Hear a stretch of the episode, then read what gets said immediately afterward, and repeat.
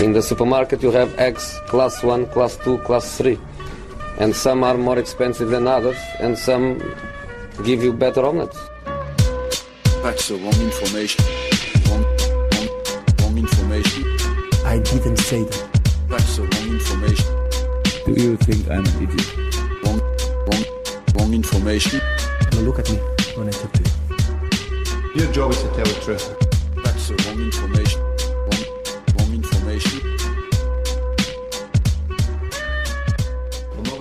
Sillypodden är tillbaka, men det är ju inte riktigt Sillypodden, det är på Sillypodden-flödet. Men det är ju trots allt en damallsvenska som startar nu till helgen, äntligen! Alla matcher sänds här på Sportbladet och då är det ju helt uppenbart att vi måste prata upp det och då är det också helt uppenbart att vi har Anna Rydén här i poddstudion till att börja med. Välkommen hit! Tackar! Och vi har Kristoffer Bergström på länk från hemmet här också. Välkommen hit du också, i alla fall i sinnet då och rösten. Ja, tack så mycket och jag vill bara varna från början. Hör ni något mummel här i bakgrunden så är det alltså ett par av dem vi har eh, kidnappat och, och tejpat för munnen på. Frida Fagerlund och Patrik Syk och gänget som inte, som inte får kvar sin podd överhuvudtaget utan de ligger alltså här bakom mig och ser ganska gulliga ut. De Det är ändå skönt att du liksom så. tog den rollen att du, du håller koll på dem så får jag sitta här inne i lugn och ro i liksom väl luftkonditionerad poddstudio i alla fall än så länge. Absolut. Vill ni säga någonting? Nej, de ligger bara här. De är så söta karikater där också. De kan inte prata för de har ju tejp på munnen. Har du lagt eh, psyk på trall åtminstone så att han får någon form av så här altanhemkänsla? Ja, och sen har jag lagt ett roligt mönster på honom så han kommer få en väldigt spännande solbränna av det här. Oh, kul! Det kommer damallsvenskans logga. Ja. Vi skulle kunna prata om det här hur länge som helst, men vi har ju en premiäromgång och det enklaste, alltså det är ju svårt alltid att bara dra igång en podd så här fundera, ja, vad, vad ska vi prata om? Vi har en, ja, typ en timme eller hur länge vi vill egentligen då och surra. Men det är ju en premiäromgång och det bästa är väl att ha utgångspunkten i just den premiäromgång som väntar. Rivstart med, vet, får man säga Norrlandsderby? Eller är det? Ja, det får Ja, man. här får man kanske göra det. Ja. Ja, och så Umeå, får vi inte tro att det ligger tre mil ifrån varandra, Umeå och Piteå eller någonting nu, utan vi måste fatta att det är väl, ja, hur långt är det? 25 mil? Det är en bit i alla fall. Ja. Ja, Umeå-Piteå alltså är det som startar upp damallsvenskan nu på lördag då, den 27 juni. Ja, era tankar kring premiärmatchen till att börja med. Nykomlingen Umeå, alltså direkt här då mot Piteå. Det känns ju spännande att få se Umeå komma tillbaka. Ett Umeå som inte alls är samma lag som det som åkte ur när de hade en hel del eh, formtagglar. Jag försökte, skulle googla innan sådär lite, kolla bara, ah, men vem är det som är lagkapten i Umeå nu? Och så kommer det upp liksom träffar på alla som har varit lagkaptener i Umeå och man känner bara wow. Det finns ju en och annan spelare som har en meritlista som har varit lagkapten i det där laget. Så att, nej, det ska ju bli kul att se dem eh, kliva in och se vad det är för Umeå som kommer upp från Elitettan. För de, till skillnad från Uppsala, blev ju klara med några matcher kvar att spela. Så att eh, de var ju redo att gå upp, hade som mål att gå upp. Och eh, jag tycker det ska bli intressant att se dem. Va, vad känner du Kristoffer? Att de, vilken jävla resa va? 2004 är de Europas bästa lag, 2016 är de Sveriges mest dysfunktionella lag och 2020 är de Sveriges mest spännande lag. Så det har gått lite upp och ner där. Eh, och det har ju mina tips också. Jag har det var så lång försäsong så jag har ju hunnit både vackla fram och tillbaka med Umeå. Vad gör vi med Umeå egentligen? För det är klart att de har ett grundspel nu som de inte var i närheten av för några år sedan. Eh, och de har förstärkt jättebra. Deras de har tre högklassiga anfallare, vilket en nykomling aldrig brukar ha. Eh, och de har Lisa Dahlqvist och, och sådär. Men det de inte har, eh, det är ju något spelprogram som gynnar dem. Så jag har ju liksom från början sagt det här kommer gå skitbra och sen bara sagt att nej förresten, de kommer nog åka för mycket buss och de kommer nog på jobbet. Så jag har ju sagt att de ska åka ur nu. Men, det är, jag vet ju att jag har många emot mig där nu. Men nu har jag jag sa det så bestämt att eh, deras tränare märkte det också och frågade om vi skulle slå vad om någonting. Så det har vi gjort nu då. Så jag har ju slagit vad med Robert Bergström om, om ett tvåmannatält. Eh, att Umeå ska åka ut. Och Anna, varför tror du jag slog vad om ett tvåmannatält? Det kanske du har koll på? Just eh, varför det är två känns ju lite sådär men ju, tältet, eh, ja har vi snackat om något annat om Umeå den här vintern? Det där gigantiska tältet som de ju faktiskt till slut blev av med. För om de har Lisa Dahlqvist och högklassiga anfallare och sådär nu så är det något de inte har längre så är det ju tack och lov ett eh, tält som skulle hjälpa dem att kunna spela fotboll på sin eh, matta där uppe men eh, vad var det? Var det någon från Polen som fastnade eller? Ja, det fanns Ja. en gubbe, han var polack, han kan riva det här tältet. Så stod jag över det som vi kallar för Gamlia fortfarande. Och, men han fastnade ju där när, när pandemin kom. Så det stod ju kvar och det blev varmt och skönt men de spelade fortfarande under tak då, de här spelarna. Det var ju väldigt, väldigt roligt. Och så var det ju risk att de skulle få spela sina hemmamatcher, ja, många, många mil bort om det inte löste sig. Och så skulle man riva tältet men, men nu får man ju max vara 50 personer och det var ett jättetält och väldigt tungt så man behöver vara fler egentligen. Så det blev svårt att få fram maskiner istället och det kostade nästan två miljoner att bli av med tältet bara.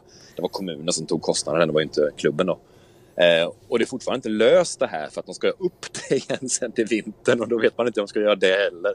Så att det är en himla härva och jag, jag, lite av mitt hjärta ömmar för de stackarna och sen vill jag skratta lite åt också för det är så himla knäppt bara.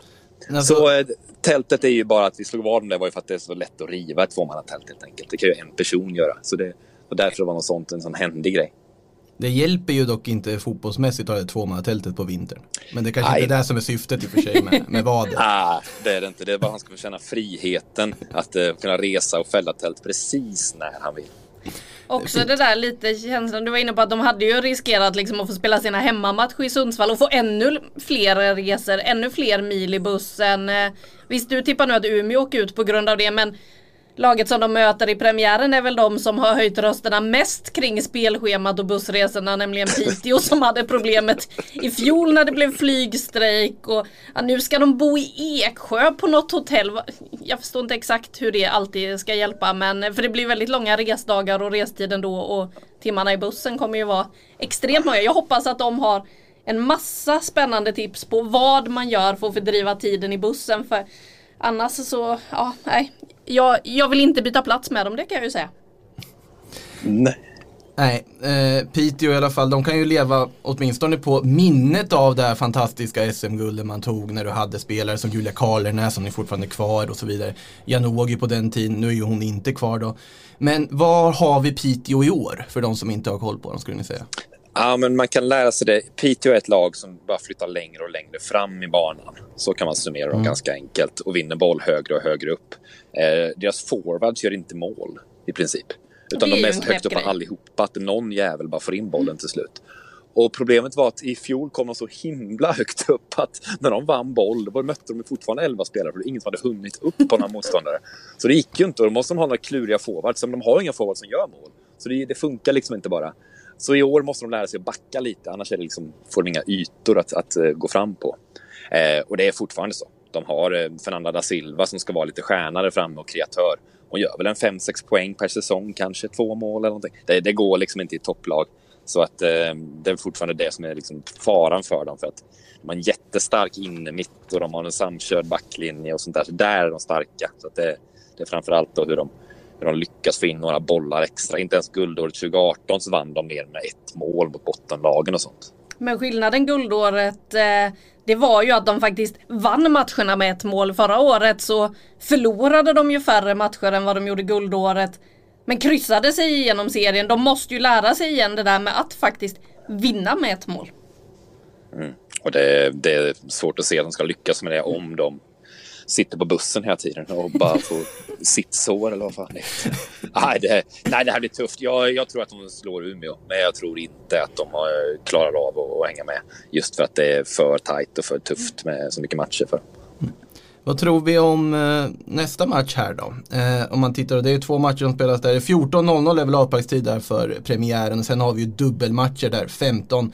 Kan vi börja med den andra nykomlingen när vi ändå var inne på Umeå nyss, nämligen Uppsala. Som då ställs mot Djurgården i någon sorts pendeltågsderby. Om vi ska bara ska göra derbykopplingar på alla matcher som vi hittar där. Kanske ska sluta med det här fort, så fort som möjligt. Ja. För jag tror det Kör kan bli svårt, svårt när du närmar dig. Ja, Linköping-Växjö blir Mm. tuff alltså. Det, Ja, det- det får, vi får se hur det där går. Något tåg går väl däremellan på något sätt så man kan Ja, man måste ihop det nog med- åka via Alvesta eller Kalmar alltså. Jag tror det. Ja. Kalmarbytesderby. Nej, eh, nu, utan att gå in på allt för djupt vatten. Uppsala-Djurgården till att börja med. Uppsala som ja, överraskande. Det var många som trodde att det var Hammarby som skulle ta den där andra platsen i elitettan då och få uppflyttning förra säsongen. Men Uppsala åkte ju till kanalplan. Vann med 3-1. Såg väldigt starka ut där och förstörde festen för Hammarby. Och nu ska man alltså med ett ungt, jättespännande lag spela allsvenskan. Vad tror vi om Uppsalas chanser? Ja, för det första så har de kvar exakt samma lag som de eh, hade och gick upp med i Elitettan. De eh, blir av med någon andra målvakt och, och någon avbytare och sådär. Men alla som spelar egentligen är, är kvar och så har förstärkts då. Framförallt av Emma Holmgren i kassen. Så de har en riktigt bra målvakt. måste jag säga. Ja, ja, väldigt, väldigt lyckat för dem att få hem då bygdens eh, dotter Emma som kan dirigera och sånt. För att de, det här är ju inte ett lag som egentligen ska hålla för damallsvenskan. Så är det. Och därför är det så otroligt fascinerande att se dem. För att det, det skiljer sig ganska rejält åt mot Umeå som bara har växt sig större och starkare. Som nu förmodligen är damallsvensk liksom, i sin, i sin eh, trupp och i sin taktik och sånt. Uppsala är ju tvärtom ett lag som vill eh, bara sticka emellan ibland. De har en snabb anfallare som Cassandra Koronen som ska sticka in och göra ett mål här och var. Så de ska liksom röva till sig poäng. De ska inte dominera hem poängen. Och, och det kan ju gå. Det känns som att man vill se nästan alla deras matcher fast det kan verkligen gå då och då. Men det kan också gå riktigt, riktigt skit för dem. Det kan liksom bli... Vi har sett det på Kalmar 2018 och, och eh, i fjol med Kungsbacka att ett lag har slirat rejält. Liksom inte, inte ens fått ihop i närheten av 10 poäng. Och det skulle kunna bli Uppsala. Men det kan också bli någon, någon sorts succé av det här för att det, det är så nyckfullt och lite, ja, lite ojämnt lag på något sätt. Det man kan notera med, för som du var inne på, de har ju liksom det laget som gick upp är det laget som är kvar så har man förstärkt lite. Bland annat då Emma Holmgren i målet som ju är en fantastisk värvning. Men hon är alltså då 23. Det är hon som ska komma in med rutinen tillsammans med mittfältaren Ida Strömblad som alltså är 22. Det är rutinen de har tagit in jämfört med Umeå som tar in Lisa Dahlqvist. Eh, ja det känns ju som att risken att de väger lätt är överhängande. Men det är väl rätt kul att se dem, Anna? Eller? Jag tycker liksom Ja. inte så här. Det känns som de bara rasar. Det kanske de gör, men det känns som de också kommer ta någon skrällseger under året. Jag tror de kommer slå Ja men du vet, Linköping har en skitdålig dag eller något sånt där tror jag kommer hända runt Uppsala. Ja, de, de kommer ju in med ungdomlig entusiasm i det här och det är klart att så länge de kan gå på den och liksom bygga på den så tror jag att de kan skrälla lite här och där. Men jag tror att de i det långa loppet kommer väga lite för tunt även om jag är väldigt spänd på att se de här eh, tjejerna i högsta serien. Men mot Djurgården är det kul. De börjar mot Djurgården. De börjar Djurgården mot är ett sånt lag som var klappusla i fjol. Eh, bedrövliga att följa med tanke på vilka spelare de hade. De har gjort om året, laget nu jättemycket. De har tränat mycket mer på fys. Och de tagit in en, en nyzeeländsk eh, forward som heter Hannah Wilkinson. Som... Eh, Anna, säg någonting om Anna Wilkinson. Är hon, är hon bara fotbollsspelare eller hur var det nu? Nej, hennes CV sträcker sig väl lite längre än så. Om man ska komma på liksom vad man själv gör så känner man sig ganska blek i jämförelse med den här eh, tjejen som alltså surfar lite på fritiden. Hon eh, skriver väl låtar också som pluggat på Harvard. Och... Ja, nej, man känner sig ganska liten. Ja, Känns så här typiskt nya zeeländare, man så här surfar och skriver lite låtar där vid lägerelden och kör Ja. på. Men hon kan också typ så här tämja ormar och vara rörmokare och, och hon kan det mesta. Hon är väldigt, väldigt speciell. Hon, hon är bara inte riktigt så bra på att göra mål. Det är det som är så synd. För att, eh, hon hade ju behövt vara lite, lite, lite skarpare framför mål kanske. Ja, för för Djurgårdens del om man tittar på just det där målskyttet så är det ju det som Djurgården eh, saknar. Mia Jalkerud gjorde i princip alla målen i fjol. Hon är ledig eller spelar inte den här säsongen för hon har fått barn, tvåbarnsmamma så att eh, ingen Mia Jalkerud. Och där blir ju ett jättehål för ett Djurgården som hade problem eh, redan i fjol. Eh, så känns det väl som även om liksom Irma Helin, Petronella Ekroth, sådana namn har försvunnit så är det ju Mia Jalkerud tror jag som kommer märkas mest, lagkaptenen och eh, målmaskinen Olivia Skog som nu då får ta över lagkaptensbinden i Djurgården. Hon har lite att leva upp till där och hon själv sa ju i en intervju med Sportbladet här att ja, men jag är ju en assistspelare, jag gör inte målen. Så att eh, ja, frågan är vem som ska göra målen. Kanske då Wilkinson när hon väl har kommit in. För hon, är ju, hon kommer ju inte vara med i premiären till exempel. Så att, ja. målen det är Djurgårdens stora problem. Så kanske att Uppsala skräller redan i första omgången. Mm. Hur oroliga ska man vara för Djurgården då med tanke på hur illa det ändå såg ut? Det var ju väldigt nära att man faktiskt åkte ur förra säsongen här nu. Hur, som sagt, det är ju vissa spelare som har försvunnit och så vidare och målskyddet där är problemen. Hur orolig ska man vara som Djurgårdssupporter? Rejält, rejält orolig. Och det som ska trygga en på något vis är att man själv har insett problemen i Djurgården. Att de gör om mycket. Det är ju värre när man är nära att åka ut och så bara fortsätter man på samma spår ungefär. Det är åtminstone någonting nytt det här. Eh, man kan vara livrädd för det om man vill. För vi vet inte hur det kommer se ut. Vi har ju sett så lite av Djurgården så att vi vet inte riktigt. Nej, för de har ju inte spelat det ens. inte bra ut. Nej. Så att, det- och det ser liksom inte så bra ut på pappret. Men å andra sidan, de säger ju att de gör framsteg och de säger att de är fysiskt starkare och ska klara av att stå högre med backar och sånt där. Det, det kanske stämmer. Jag, jag vet ju inte riktigt. Något som också kan lugna dem är ju lite att visst, de kommer ju vara med i bottenstriden förmodligen. Eh, men det är ju flera lag där. Vi har ju till exempel Uppsala som är ett av lagen där liksom som nykomlingar ska försöka räcka en hel säsong med tufft matchande. Vi har Umeå som förmodligen också hamnar där nere och som du Kristoffer har tippat ska åka ur. Och så har vi ju ett eh, Växjö som har det tufft ekonomiskt, bantat truppen blev av med sina två stora stjärnor mitt i förra säsongen. Och, ja, jag har ju tippat att det är Växjö är de som åker ut tillsammans med Uppsala. Så att, eh, jag tror ju också att Djurgården kan lugna sig lite med det. Att det kan finnas räddningsplankor där nere i botten. Och Fan Växjö, vad, vad uppiggande du är ändå Anna. Ja. ni, är, ni är ganska dåliga men det finns andra dåliga också. Ta det lugnt. och Växjö måste ju dessutom byta tåg i Kalmar till sin bortamatch i. Linköping. Där, där går vi över till den då. Linköping-Växjö också spelas där på lördagen. Linköping Ja, de storsatsade ju förra säsongen får man säga. Det var ju väldigt namnstarka spelare som var inne. Sen har det ju varit lite ja, transferstrul kan man väl säga. Det var lite stökigt i Linköping under den här våren för att uttrycka det milt. Kanske kan gå in närmare lite på varför det har varit stökigt. Ja, Kristoffer, hur tappar man bort Stina Blacksten? Just det är ju en fråga som jag har funderat på halva vintern. Ja, hur gör man det? Alltså, man tänker sig om man har, till exempel har köpt en ny telefon som är, har diamanter på sig och allting, det mest värdefulla. Då håller man väl stenhårt i den. Man behöver inte snacka om att ah, men du kanske får det, eller du kanske får det, eller vi får se hur det blir. Men så var det med Stenhamn Blackstenius. Man trodde man behövde sälja henne, man kollade lite i Göteborg. De bara ja, guds skull, Stenhamn Blackstenius, det tar vi. Och sen tycker man att vänta nu förresten, vi, vi ska nog inte sälja henne, sa Linköping. Vi har ju sålt Mimmi Larsson och vi har ju lite pengar och så, så vi, vi skiter i det. Och då sa Göteborg, men du, ni har ju redan sagt att ni har sålt henne till oss. Och så tog- det här några månader att avgöra och så kom skiljenämnden fram till att jo, ni har ju faktiskt sålt henne redan. Jaha, jaha, får vi inte ha henne då? Nej, så fick de lämna ifrån sig sin, sin fina mobiltelefon. Och så har de inte kvar någon stjärn, stjärnforward längre. Alltså det är så absurt. Det är liksom landslagsspelare. Hon startade i VM, hon avgjorde flera VM-matcher.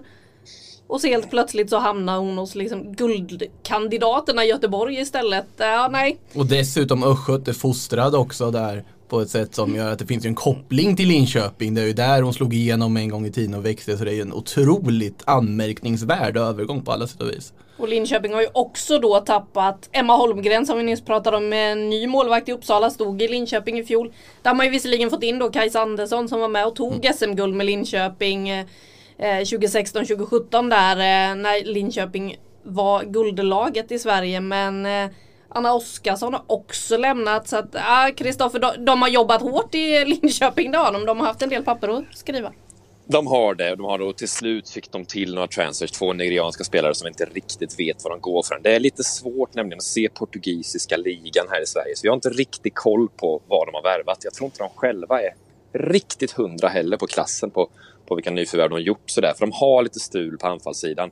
Och då ska vi lägga till, de har inte pratat om Brian Foles än. De Nej, hade de- hittat en spelare som de ville ha, en, en jätteoffensiv kraft. En, en kortvuxen amerikanska, lite så här satt och muskulös i kroppen och låg tyngdpunkt som de trodde de skulle värva. Som de än en gång då, försäsongens två stora blåsningar har båda gått att en spelare inte gick till Linköping utan gick till Göteborg istället. Och i det här fallet så var det ju Linköping som fick betala frakten. Kan man väl säga kort, kort sammanfattat. Det var, liksom, det var det enda man gjorde. Att du beställde telefon, du ville titta på den först med öppet köp.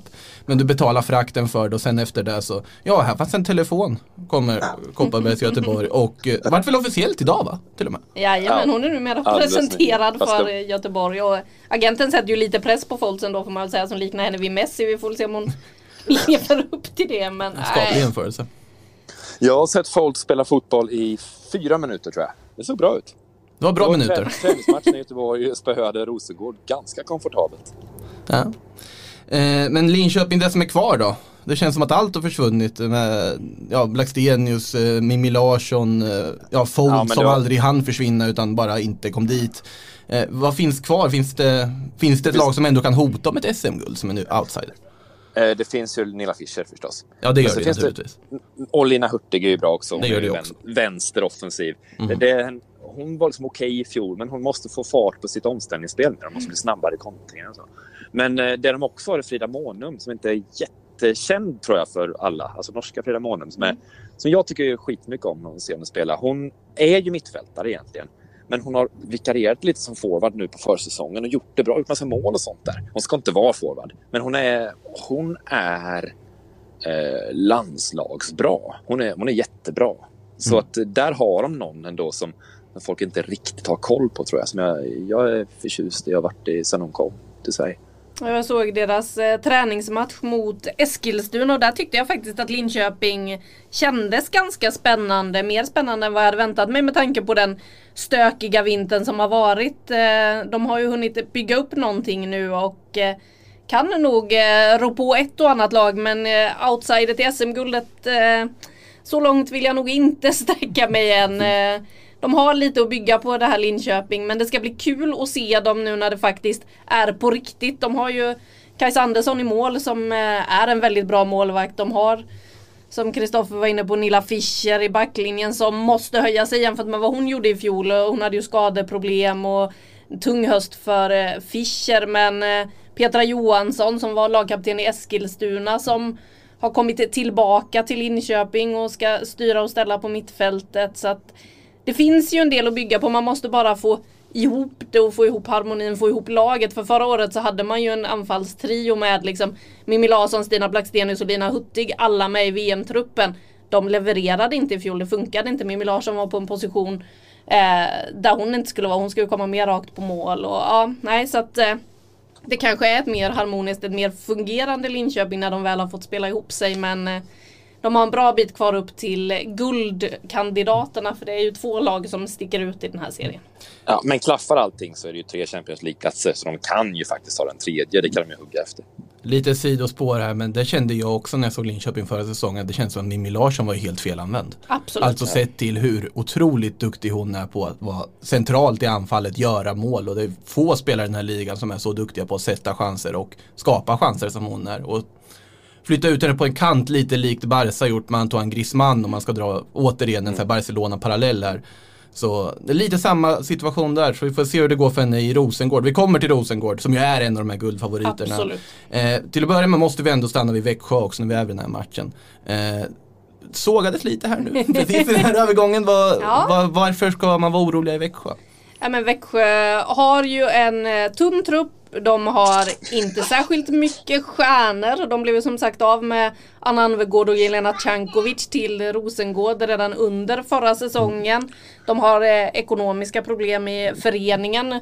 Det senaste jag läste där var att de ville sälja namnet på en inomhushall i Växjö men det sa kommunen nej till att det får ni inte göra än för att eh, Växjö har ju någon form av plan att de ska flytta in i den här inomhusarenan som finns som he- heter Tipshallen idag. Där vill de spela allsvensk fotboll framöver och det kan man ju fråga till exempel Malmö FF vad de tycker om att spela där inne. De förlorade ju i kuppen mot Öster där förra året. Det är en väldigt speciell liten låda som ligger jämte den eh, stora utearenan där. eh, Det är inte ett tält det är inte ett tält är det inte utan eh, det är ju faktiskt en permanent arena men det är speciellt att spela där inne och där vill Växjö DFF spela sina matcher och funderade då på okej kan vi göra lite cash nu? Kan vi redan nu sälja namnet? Och, nej, kommunen vill ju ha en långsiktig lösning på att de faktiskt kommer kunna spela allsvenskan i den och ja, det var ganska mycket som behövde lösas innan Växjö får sälja den för att få in mer pengar så att eh, de har en del att tänka på. Mm. Det, det är ju ett sluttande plan att börja sälja saker, men det är ett ganska roligt sluttande plan. Om de börjar sälja fler och fler namn och till slut blir det så här. Ja, Jenny, är du så kär i ditt förnamn? Kan, vi, kan du heta någonting annat? Jenny? Kan du heta Ica Maxi Nordin? Kan du heta det? Och så, och så kör man på så liksom. Till slut så Du är på någonting här nu alltså. Det här är, det här är nytänkande. Verkligen. Jag fick alltså någon gång mitt namn bytt av någon vettvilling som bara ville skoja med mig eller någonting. Jag vet inte hur det gick till riktigt. Så bytte de mitt namn från Kristoffer till Jörgen. Och det är ju lite det här också, liksom att spelarna måste inte ens känna till det här. Klubben kan ju bara skicka in papper och göra en deal med någon sponsor. Och så har du bytt backlinjen så heter de företagsnamn till slut. Och så, och så tar det slut på spelare får man ju värva nya då. och byta Så en får heta. ICA, en får heta Maxi. Och så liksom när man sätter ihop mittlåset så, så blir det helt plötsligt ett företag. Just det. En del av varje företagsnamn i hela fyrbackslinjen. Ja. Eh, Växjö med ekonomiska problem som ni kanske hör på det här sidospåret vi kom in på här. Ehm, vidare då, det ska även spelas två ytterligare matcher under lördagen. KIF Örebro ställs mot Eskilstuna på hemmaplan. KIF Örebro läste jag här ditt eh, tips här. Jag vet inte om det är ett av de gamla tipsen eller ett av de nyare tipsen Kroko. Det är men absolut samma tips hela Det, vägen. det är De det är åtta. säkraste de tipset är av dem alla. fortfarande i Jag ditt huvud. tippa, tippade det i november, jag tippade det i december, jag tippade det i februari, jag tippade när jag låg och sov råkade jag säga en gång. Det är så oerhört enkelt att tippa dem. Det är så jävla lätt alltså. Du har ju till och med slagit vad om det här. Ja, ja, ja, visst ja. Jag och Nathalie Hoff Persson, deras playmaker, har slagit vad om, om min keps. Att eh, de ska komma åtta och jag får en signerad boll om de kommer åtta. Och det är så himla skönt för då vet jag att det kommer en snart. Det är liksom bara att det, det kommer på posten snart en boll från, från Örebro. För att de kan inte komma annat än åtta. Du vågar alltså Ja. satsa din keps på det här. Det känns ändå ganska stort. Ja, men det är liksom inte så svårt. Det det som att slå vad om kommer de spela med fotbollar eller mangofrukter? Alltså det, det, det vet man om. Liksom. De är alldeles för bra för de fyra bottenlagen och de är för dåliga för Kristianstad och Linköping och de som är ovanför. Så att det, det finns bara en placering för dem. Ja. Så Örebro 8 alltså, det har Kristoffer Bergström slagit i sten. Vad säger vi om Eskilstuna då? Här borde vi väl ha en guldoutsider? Ändå, eller? Ja, här har vi väl ett av lagen som eh, faktiskt skulle kunna utmana lite även om jag tror att eh, de två översta är eh, ett nummer för stort så är ju Eskilstuna ett väldigt spännande lag. De var helt värdelösa i början av förra säsongen. Sen fick de ett VM-uppehåll och eh, skruvade om lite i laget, hittade en balans framåt och blev ju helt plötsligt väldigt farliga framåt. Felicia Rogic till exempel eh, började göra mål efter. Vi har Loreta Kolashi framåt, Fanny Andersson. eh, Det finns en spännande trio där och sen Så har har vi- Kajsa Collin också hoppar in där. Som Exakt. Lin, Linköping ville ha Kajsa Collin till den här säsongen. Men, vi- men finns det någon nej, Linköping de inte ville ha Kristoffer? Vad sa du? Finns det någon Linköping inte har varit på den här vintern? Eh, nej, och Nej. de är inte så lyckade att få dem heller. De har inte fått till det där alls. Det är något som bara går fel för dem. Ja. Underligt. Ah, nej, men Eskilstuna är jätte... Eh, tunn, smal trupp, men den är muskulös. Den är kraftfull. Är den de, vältränad? Ja, den måste liksom hålla hela vägen. Det, det är väldigt krav för dem, annars går det inte. Och då har de alltså sitt jätteoffensiva spel när det sitter där, som är väldigt snyggt. Så, så att, eh, så att eh, jag har ju försökt att säga att ja, men kanske att de till och med rår på toppduon. Det är klart de inte i grundtipset gör det, men jag menar, ska något lag rå på? Det händer ju att lag skräller och är högre upp än vad vad de borde vara. Och Eskilstuna, ja, de har en liten, liten guldchans till och med, det vill jag säga. De har ju, om inte annat så finns ju verkligen förutsättningar för att bygga någonting väldigt bra i den stan med tanke på att det är få klubbar i damallsvenskan som har så pass stort intresse från publiken och eh, invånarna i orten. Där du faktiskt drar så pass mycket människor till matcherna och där liksom Eskilstuna är ju laget. Det är ju inte AFC Eskilstuna på det sidan som är utan det är Eskilstuna United som folk går för att titta på. Och där finns ju alla förutsättningar på något sätt också. Ja, och de är väldigt bra på att de är en del av sitt närsamhälle. De har något som heter Hjärta United, ett projekt där de hjälper till ganska mycket i samhället. De stöttar både folk som har svårt att komma in i samhället och de hjälper äldre och sånt där. Och de hjälper, de har någon sorts eh, matchningstjänst kan man säga när man hjälper personer som är långt från arbetslivet att få första praktiken och sånt. De har liksom inne i sådana saker också. Och det ser man ganska mycket med eh, med damklubbar överhuvudtaget. Att de är bättre än herrklubbar på det här CSR-arbetet. Eller framförallt så är de mindre ofta klubbarna så spelarna själva är involverade. Alltså Piteå är involverade och Eskilstuna är det och Örebro är det. Spelarna själva är ute och hjälper till väldigt mycket på ett sätt som, som herrspelare är alldeles för dåliga på i jämförelse. Eh, vidare här då. Eh, vi har en sen eh, klockan sju match här också på lördagen. Rosengård-Vittsjö, inte vilken match som helst. Ska vi börja med eh, Rosengård? Det är ju en av de här guldfavoriterna vi pratar om. Kopparbergs Göteborg är den andra, vi kommer in på dem sen. Eh, men Rosengård, regerande mästare. De har ju truppen, de har en annan Anvegård som bara blir bättre, bättre och bättre och redan idag är en av allsvenskans absolut bästa spelare. Eh, vart har vi Rosengård i år? Känns de starkare än förra säsongen eller svagare? Eller? Alltså de känns ju starka men de känns som eh, tvåa i den här tabellen i mitt tips. Eh, och det är kanske då inte om man tittar på startelvan för startelvan är ju urstark utan Mm. det beror ju på när man tittar på bredden. Nu hade man liksom börjat träningsmatcha här inför säsongen. Spelade mot Växjö, Hanna Bennison stukade foten. Jelena Cankovic skadade sig. Caroline Seger har inte spelat så mycket på grund av skadeproblem och lite sådär känningar på försäsongen.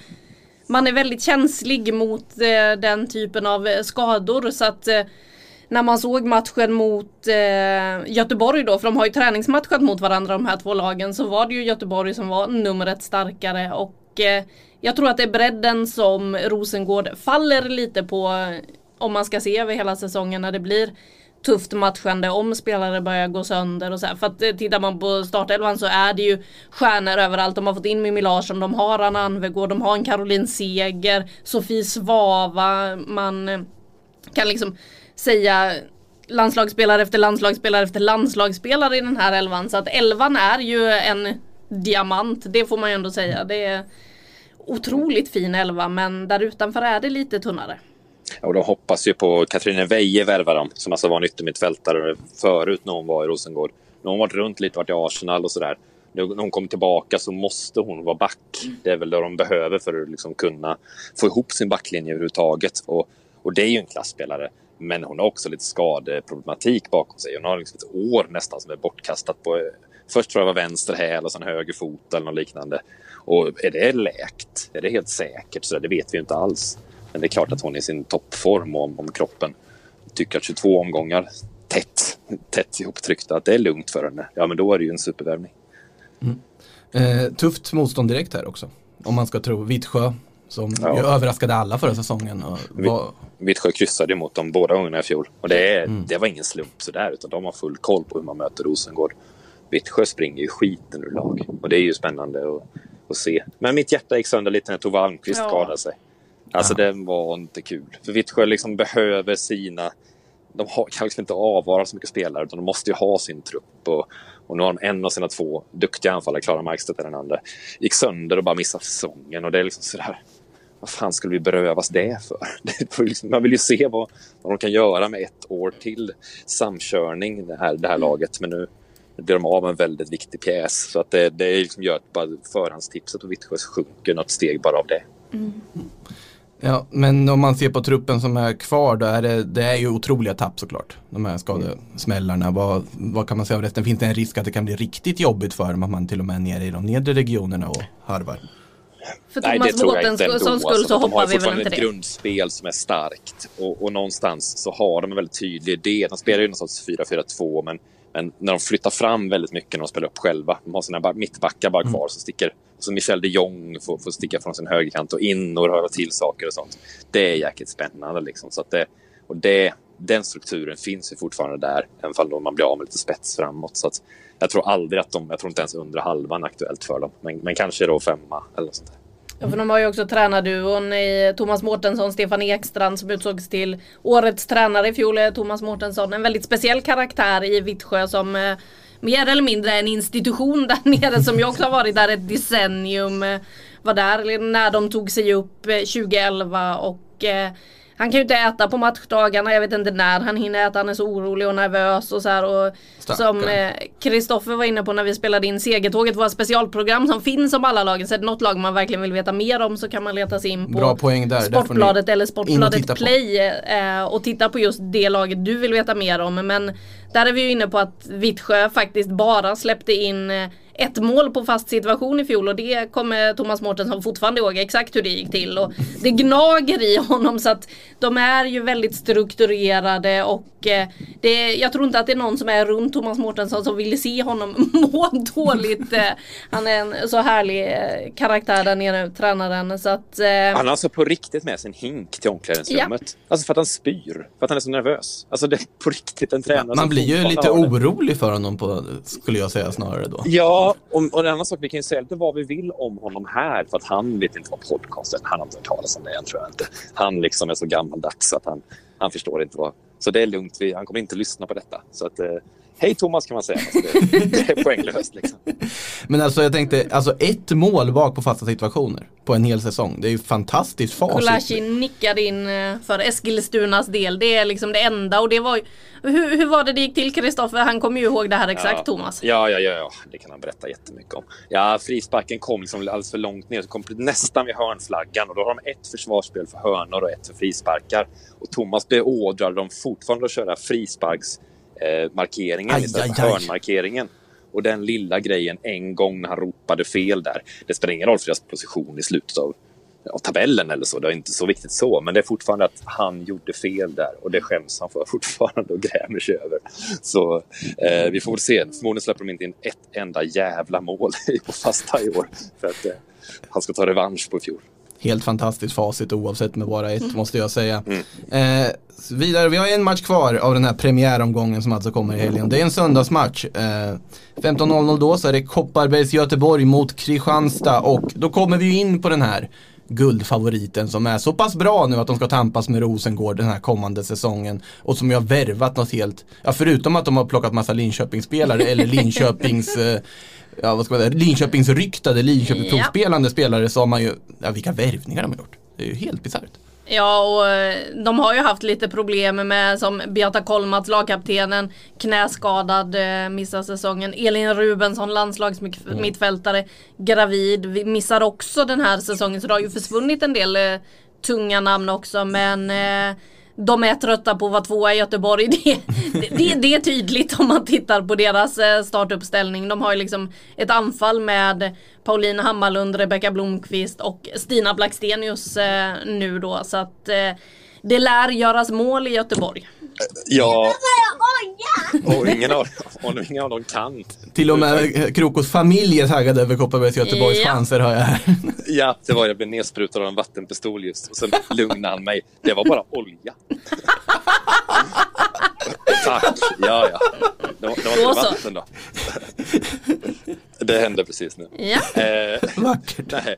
Om Göteborg inte nöjs med de anfallen så går Sigge Olme upp istället som också landslagsklass och går upp och spelar anfallare också. Jo, de har ett kanonlag. Så är det bara. Det, det, det här kommer hålla. Det ser ut som det verkligen. De har ju också två bra målvakter till exempel. Två riktigt bra målvakter. Och det, det är en jäkla lyx att ha det och ha råd att ha det. Alltså bara också att vanligtvis om man blir av med spelare som Kolmats och Rubensson då ska man börja prata om att ah, det här är ju tokkris. Här har man fått in Emma Kullberg till försvaret, fantastisk värvning och sen det här mittfältet är ju så överflödigt av duktiga landslagsmeritspelare att det Ja, tittar man som vi har ställt upp det i Sportbladets bibel till exempel så har vi ett mittfält, ett innermitt med då Filip Angeldal, Vildebø Risa från Norge som nyligen har förlängt säsongen ut, Julia Sigiotti Olme som du var inne på Kristoffer och så de flygande finskorna på kanten i Koivisto och eh, Kuika. Liksom, Julia Roddar som var med i VM-truppen är alltså inte ens med på det mittfältet trots att Elin Rubensson missar helt säsongen. bisarrt. Ja, och Brian Fold som vi tror är en stor spelare i Allsvenskan. Som, hon är liksom också utanför där och, och de är ungerska de har värvat som ska vara bra också. Så där. Så att det, vi vet ju inte riktigt vad alla spelare går för än, men, men som det ser ut så är det ruggigt. Och eh, det är starkare än Rosengård, det kan vi nästan slå fast.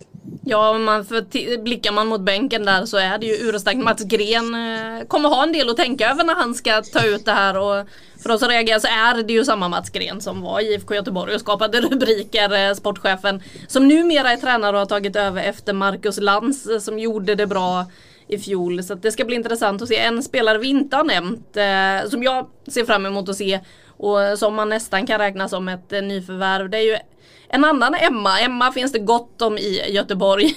Jag pratar om Emma Berglund som jag har ett förflutet som proffs i PSG och eh, som har varit, var med i VM-truppen 2015. Skadeproblem i fjol, tillbaka nu. Har sett bra ut det lilla man har sett av dem och eh, jag tycker det ska bli väldigt spännande att se henne i den här backlinjen också under säsongen. Alla heter Emma i Göteborg. Exakt så. Det kommer nog vara en, kanske kommer en sån ramsa på läktarna där. Vi får väl hoppas. Vi får hoppas det. Annars har vi i alla fall planterat idén här nu. Eh, men jag tänker, vi har suttit och hyllat dem nu här närmaste minuterna här, hur bra de är. Finns det någonting som talar för ett fiasko då? Att det här inte går så pass bra som vi ändå alla tror att det ska göra? Ja, att det går grus i försvaret. Att det ändå blir lite fel. Det finns, de måste ju hålla sig att Emma Berglund bara får ur sig kanske 10-12 matcher, någonting sånt där och så tar vi en skada till. Då tror de inte längre på 3-5-2 som de, som de bör spela. Då måste de gå hem med 4-4-2 och då tappar man ganska mycket av... De har ju sina vingar som de litar ganska mycket på, två finska spelare. Och om de måste gå hem och bli ytterbackar med konventionella ytterbackar, ja men då försvinner lite av den här fysiska överlägsenheten. För det Göteborg ska göra i matcher, det är att de ska driva upp ett hemskt tempo, springa och bara vräka på. Och sen efter 60, då tar de in tre landslagsspelare till som är offensiva. Det är det som är målet. Det är därför de har både då Rebecka Blomqvist, eh, Pauline Hammarlund och Stina Blackstenius. Alltså alla matcher kan de ta in en till spelare som är egentligen en skytteliga-vinnarkandidat. Och, och, och de måste fokusera på försvaret lite mer och sätta det mer. Då kanske de tappar lite av den liksom, offensiva övermänskliga kraften de har i truppen. Men kan, man, kan det bli så med så många stjärnor också? Kan man hålla alla nöjda då? För jag tänker att Blackstenius har ju inte gjort den här övergången för att nöta bänk och komma in och ändra matchbilder i minut 70 liksom. Ja, men det tror jag ändå för det är så tätt match. Det är, nu när det är så många matcher på en gång så det tror jag inte är något större problem. Alltså. Jag vet inte, men det känns inte som det. Jag tror inte heller att den här, till exempel Brie Folds eller Julia Roddar är såna superdivor som inte klarar av lite bänk för då, då spelar de med fel lag. Ja, Julia Roddar var ju var väl den enda utespelaren i landslaget som inte fick speltid under VM och hon var lika glad hela vägen. Och så sågs ju som en fantastisk truppspelare och liksom var bra på träningarna, hjälpte till att hålla uppe tempot och sådär. Så att det känns inte som att hon är den som deppar ihop på bänken precis. Brie Folds vet vi ju inte så mycket om än. Det ska bli spännande att se henne och se hur man håller henne nöjd. Den här som alltså liknas vid eh, Messi av agenten. 嗯。Vad säger du om Kristianstad då? Det är ju de som eh, ställs mot Kopparbergs Göteborg här första omgången. Det är läget som vanligt i Kristianstad. Det känns som att eh, Beta på tränarbänken, hon har ju varit där hur länge som helst nu känns det som också. Det känns som att man alltid hänger med där någonstans i mitten. Är det så, samma sak i år? Problemet är ju att hon de har vred ju bältros. upp allting, Ah. ett, i underhållningsvärdet ett steg i fjol genom att bara få för sig att nej, men vi ska kanske släppa in lite mål istället. Då. Och gör vi det så måste vi göra fler mål. Och så gjorde de det också. Och så blev det lite halvt som halvt knäppt av allting. Eh, det ser ut som det är nu också. Alltså de har ju en, en back i Siv Atladotter som är en sån här duellspelande back. En sån här jobbig att ha en löpduell mot. Sånt. Hon är gravid, spelar inte. Eh, och det är ju ett jätteavbräck. Men Mia Karlsson är tillbaka och de har liksom värvat lite grann och sådär. Men när man tittar på laget så ser det ut som att jo, det här kommer svänga om det här igen. Det är svårt att säga att det är det bra eller dåligt. Jag vet inte riktigt. Men det kommer liksom det kommer svänga om det, så är det. Och Beta som du säger nu, hon, hon kanske gör sista säsongen, jag vet inte riktigt. Hon är ju också, hon har varit sjuk en del nu, så hon är väl inte med i början tror jag. Jag har inte hört för när hon är tillbaka från, från sin sjukskrivning. Mm. Jag har inte heller hört det men det lutar väl åt att hon inte finns på bänken mot eh, Göteborg redan i helgen. Men eh, nej, det, ska, det är ett lag som känns som att det ska bli roligt att se. För att eh, man gillar ju matcher som slutar 5-4 snarare än 1-0. Och det känns Så som det. att det, det är så det kan bli runt eh, Kristianstad med liksom, nyförvärv som Jutta Rantala ser jag fram emot att se i eh, Sverige. Hon kommer ju från Finland och spelat där innan. Eh, där visste man väl inte riktigt vad man värvade Kristoffer eller, eller hur var det med Jutta? Nej, den här finska strikern som springer och spottar in mål bara trodde man. Men så var hon typ ytter när hon kom och var lika bra där. Och så har man liksom kört det så man kan växla lite vad hon ska spela. Och det, det gör henne spännande. Hon är nog 19-20 fortfarande bara tror jag. Något sånt där. Och, och sen därtill har de värvat då Elise Kellon Knight som är, vi har sett förut i Sverige. Som eh, är en mer mångsidig spelare som också kan vara lite var som helst. Och vi vet inte riktigt hur det kommer formeras det här. Det finns ganska mycket frågor runt Kristianstad. Vad, vad, vad blir det här? Jag, jag vet inte riktigt. Men missa dem inte. Ta, se två, tre matcher med dem. Det är ett tips bara sen. Sen om ni tycker att det är förutsägbart då kan ni byta lag och, och följa. Men, men det tror jag inte det kommer bli. Nej och eh, är det något man också kan ta med sig så är det att eh, vet man inte vad folk heter då kan man bestämma det själv. Det gör man i alla fall i Kristianstad om man heter Therese Hessie Åsland som är ett av nyförvärven. Eh, hon klev in och så tycker hon inte att namnet passar då döper hon om dem. Så att eh, det finns diverse märkliga smeknamn i Kristianstad som jag ser fram emot att höra Hessie Åsland själv berätta om under säsongen. Eh, och varför hon liksom känner att folk inte passar i sina namn. Ja, nej, Ja, och, det, nu, och nu är det ju ingen publik så nu hör här ropen mycket tydligare. ja Men har Så det skriks det in... Gucci eller sådär nere på plan, då vet man att det är någon i Kristianstad och det är Cessy då. Men som- de har redan gått in med sponsornamn alltså? Ja, exakt. Ja, då har det redan gjort det, då var det inget nytt. Ja, okej. Aj, aj, aj. Nej, svagt, svagt, svagt. Åh, oh, ja. det, det är vad det är. Man kan inte alltid vara perfekt och nytänkande. Men eh, det var alltså premiäromgången. Ja, En sak jag sitter och funderar över. Vi har hört om två vad. Jag vet att du skrev till mig Krok att du har slagit vad med tre klubbar. Vi har hört om kepsen, vi har hört om tältet. Vad är det tredje vadet? Ja, det var med Uppsala. Jag skulle dricka en spann med vatten ur Fyrisån om de någonsin var på övre halvan efter några omgångar tror jag. Det var eh, svagt vad alltså. Jag är inte alls en törstig typ sådär så att jag får se lite. Och det är ju så synd för det låter så stöddigt. Jag gillar ju Uppsalas satsning jättemycket. Det är bara väldigt svårt att se hur de ska kunna vara högt upp i tabellen. Men ni får se mig i så fall sitta där någonstans. Längs. Fyrisån. Finns väl sämre åar i och för sig eller? Ja, Den är inte helt dum. Nej. Nej. Eh, Någon särskild, om vi avslutar, innan vi avslutar rättare sagt, är det någon särskild match här ni ser allra extra fram emot? I nu? premiäromgången så är det ju Vittsjö-Rosengård skulle jag säga att jag Mm. ser fram emot mest. Se hur det här Vittsjö ser ut, eh, ser se Rosengård som kommer gå ut taggad. Jag tror att de blir sporrade av det här att det är flera experter som faktiskt säger inför säsongen nu att eh, i år är det Göteborg som vinner. Det, det passar inte Rosengårds attityd så att det ska bli kul att se också just med som Kristoffer var inne på där att det blev kryss i de matcherna förra året. Vittsjö är ett lag som liksom vet hur man eh, rår på Rosengård och eh, trivs med det. De eh, ser ju sig lite som lilla syster till Rosengård så att de kommer vara laddade, Rosengård kommer vara laddade och det kommer bli ett fint derby nere i Skåne, det tror jag. Ja, och jag, för mig är det bara Piteå och Umeå som är den stora matchen. Den, den kan jag inte Längtar nog efter. Alltså herregud vad spännande att se Umeå igen. Det här nybygget, se vad de har gjort i Elitettan. Hur sammankittade de har blivit och, och vilken offensiv kraft de har. Alltså, Lisa Dahlqvist, vem är det? Är det hon vi såg var sänka USA flera gånger eller är hon lite gammal? Vad vet vi egentligen? Sådär. Jag, ja, det är så mycket med det laget som, som jag är fascinerad av. Så att, eh, och sen mot Piteå då. Ja, det, det är läckert. Den matchen kommer det, det kommer göra så ont på spelarna. De kommer smälla i varandra på innermitten så förbannat hårt. Och jag, jag tycker om den här fysiska fotbollen. Mm.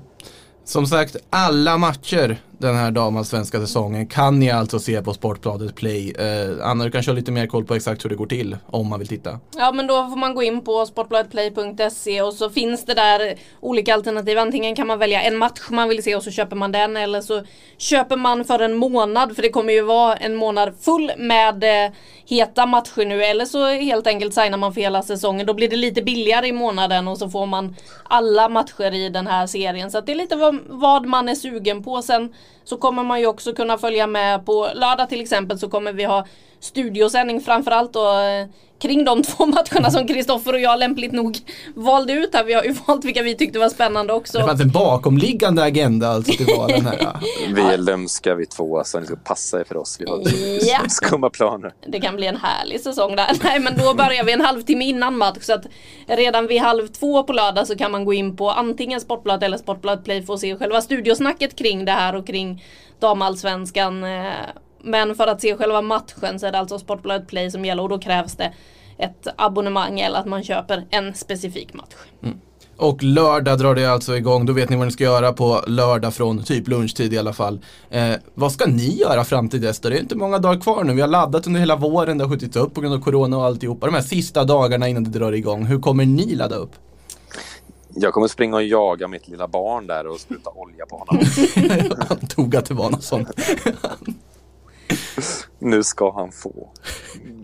Jag ska väl ha en kanske lite mer eh, klassisk uppladdning nu. Eh, ikväll när vi spelar in det här eh, på onsdagen så ska vi ha en stor chatt där alla, representanter för alla de här lagen kommer att vara med och svara på tittarfrågor, svara på Kristoffers frågor och lite på mina också. Kring liksom allt det här som vi inte vet om dem för det är åtta månader sedan vi såg dem spela tävlingsmatch sist. Det har varit den längsta försäsongen någonsin så att det finns ju mycket frågetecken att räkna ut och man är ju väldigt glad att man snart liksom kan slippa referera till allt som har varit, allt man inte har sett och kunna prata om det man har sett. Men äh, nej, det är sånt jag kommer ägna mig lite åt och äh, sitta och kolla på statistiken från i fjol och ladda inför de här matcherna som faktiskt väntar i premiäromgången. Låter... Du Anna, du har ett uppdrag. Du måste gå igenom hårt det här filmningskriget mellan eh, Växjö och Kristianstad är det va? Ja, det är få måste- saker jag ser fram emot så mycket. Här får ni gå in på detalj så jag vet vad ni pratar om.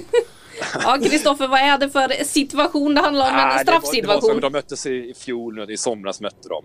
Eh, och väldigt tidigt i matchen så ser det ut som att en Kristianstad-spelare kastar sig i straffområdet, får en, en straff och gör mål på den. Och det blir 2-2 till slut. Och det som händer sen är att det är någon som twittrar om att varför finns det? Jag trodde inte det här fanns i damfotbollen. Åh, kan man inte bara stå upp och spela fotboll? Och så loopar situationen när spelaren kastar sig och kastar sig.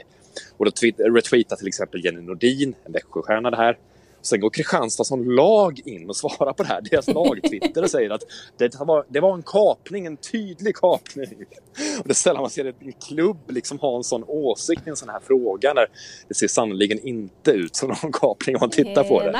Men eh, det här verkar inte ha rätts ut än riktigt än. Så att, så att eh, om ni lyssnar på det här på onsdagen och så hinner se sändningen så, så hoppas jag att det här reds ut där. För då är det rafflande. Ja, Jenny Nordin är ju eh, den som kommer vara med från Växjö så att eh, förhoppningsvis så har hon fortfarande samma starka åsikt kring det. Så får vi se hur eh, Anna Velin i Kristianstad kan försvara sig. Vi ska rulla klippet så får du som eh, tittar och eh, också liksom ge din bild på det hela och se vad du tycker om situationen. Men ja, Ta fram mentometerknapparna som man Exakt. brukar säga på Tänk vad mysigt det hade varit. Ja, det Yes. varit. Nu ska jag lossa på eh, med repen här och på handklovarna och tejpen för munnarna på, på era kollegor. Så då får de komma tillbaka till podden sen när det, när det är läge.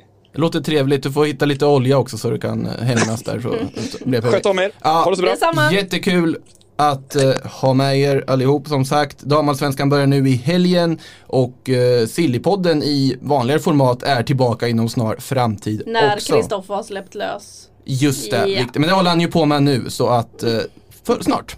Snarare än senare. Ha det gott till dess. Hej då. That's the wrong information.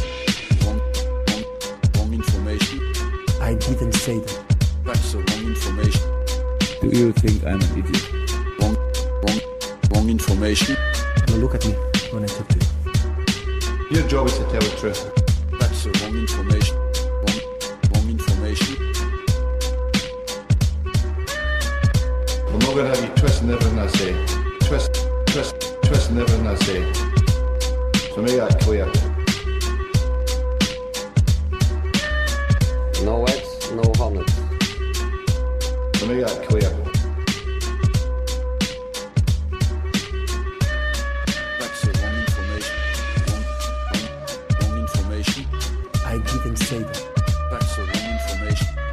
Do you think I'm an idiot?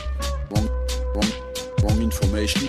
Now look at me when I talk to you. Your job is to tell the truth.